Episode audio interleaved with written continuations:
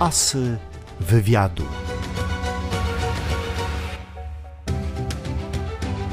Barbara Fedoniuk, dzień dobry, witam Państwa. I witam również mojego gościa, dzień dobry. Dzień dobry.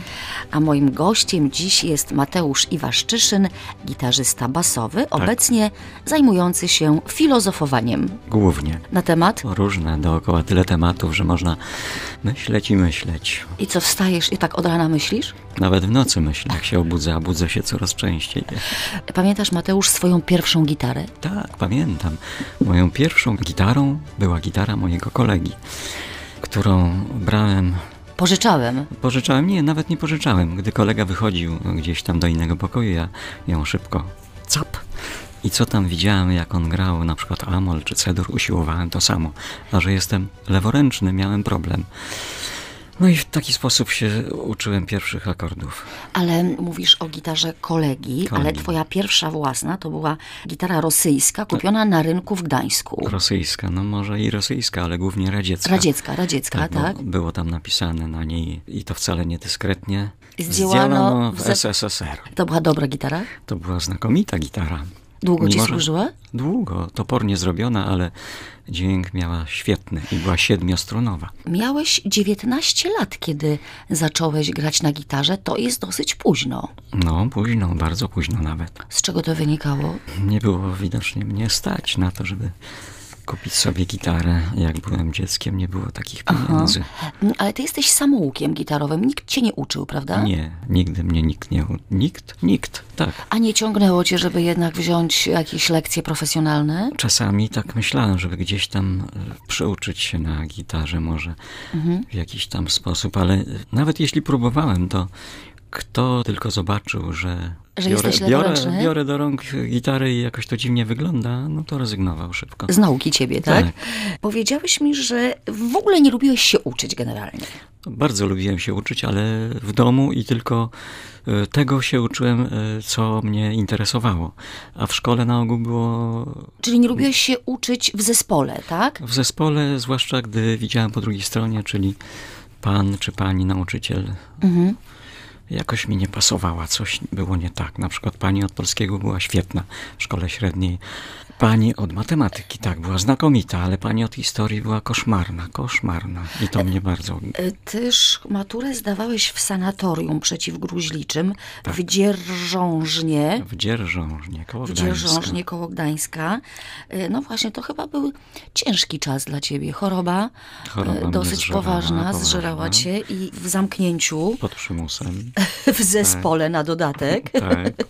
Ale jakoś przeżyłeś, maturę zdałeś. Mar- maturę zdałem i natychmiast po maturze, tam wszyscy wtedy zdawali maturę, także miałem to szczęście. W takim sanatorium wszyscy zdają maturę. Po prostu. Po prostu tak i natychmiast na drugi dzień po maturze przez płot i szybko do domu. I małeś się wielu zawodów. Mhm. Pozwolisz, że ja wymienię kilka.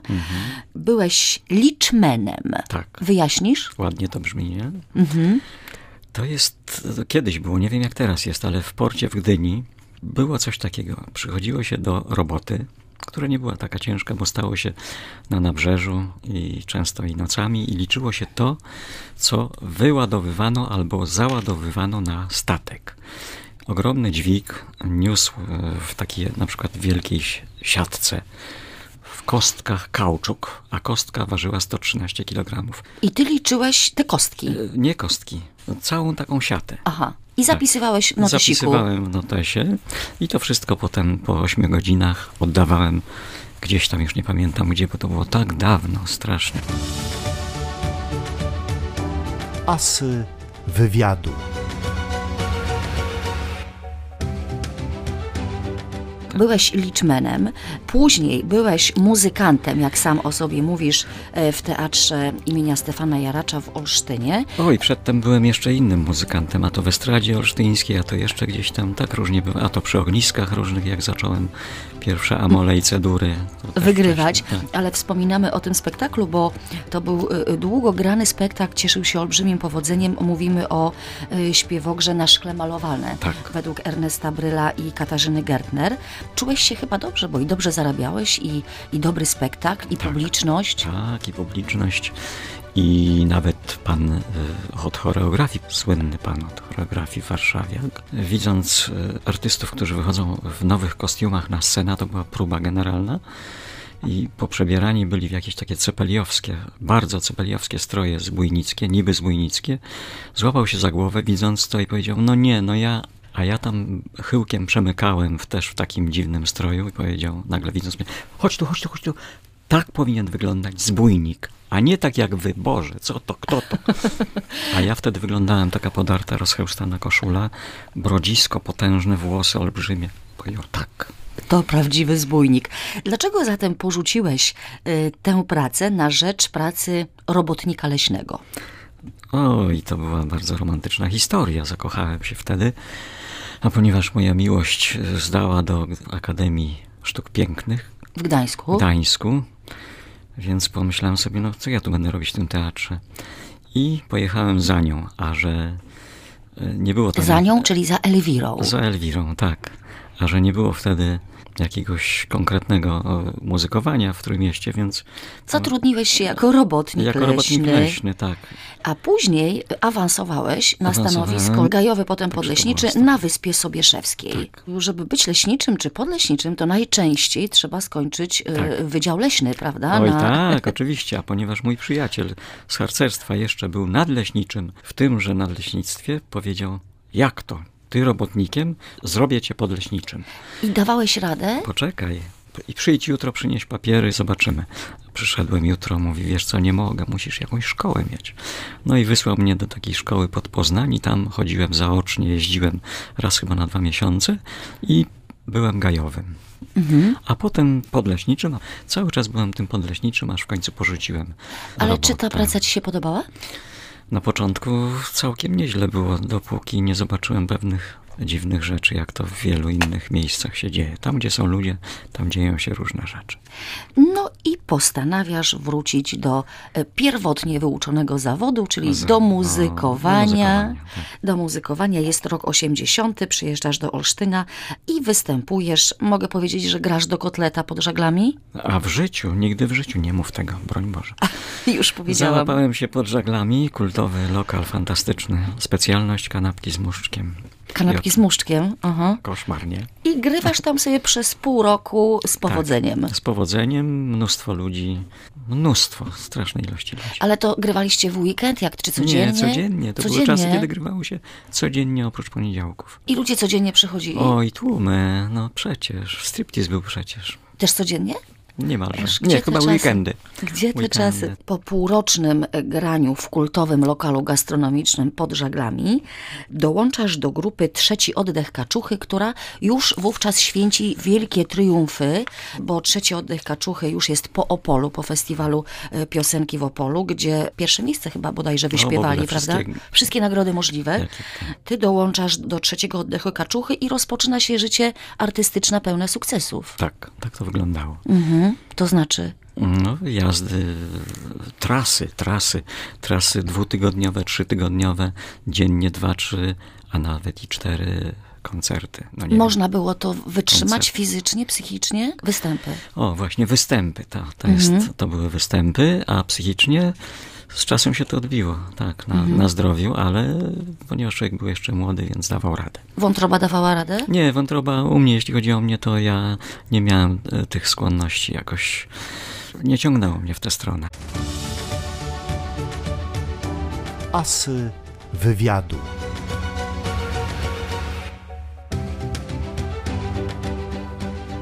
Trzeci oddech kaczuchy się rozpada, powstają y, kaczki, Kaczki z nowej paczki. Mm, Powołał je do życia Zbyszek. świętej pamięci, tak, y, y, Zbyszek Rojek. Y, I kolejny twoje, twój etap w życiu artystycznym jest związany z zespołem Kaczki z nowej paczki, ale, Tak. ale ty się tam nie czujesz zbyt dobrze. Nie, tam jakoś e, tak troszeczkę, atmosfera tam była inna jednak niż Mhm. e, w trzecim oddechu, no, z różnych przyczyn i w końcu się to zaczęło psuć. Mhm. i rozpadło się. Powstał Czerwony Tulipan, do który- którego również dołączasz. dołączam, Mhm. ale na króciutko.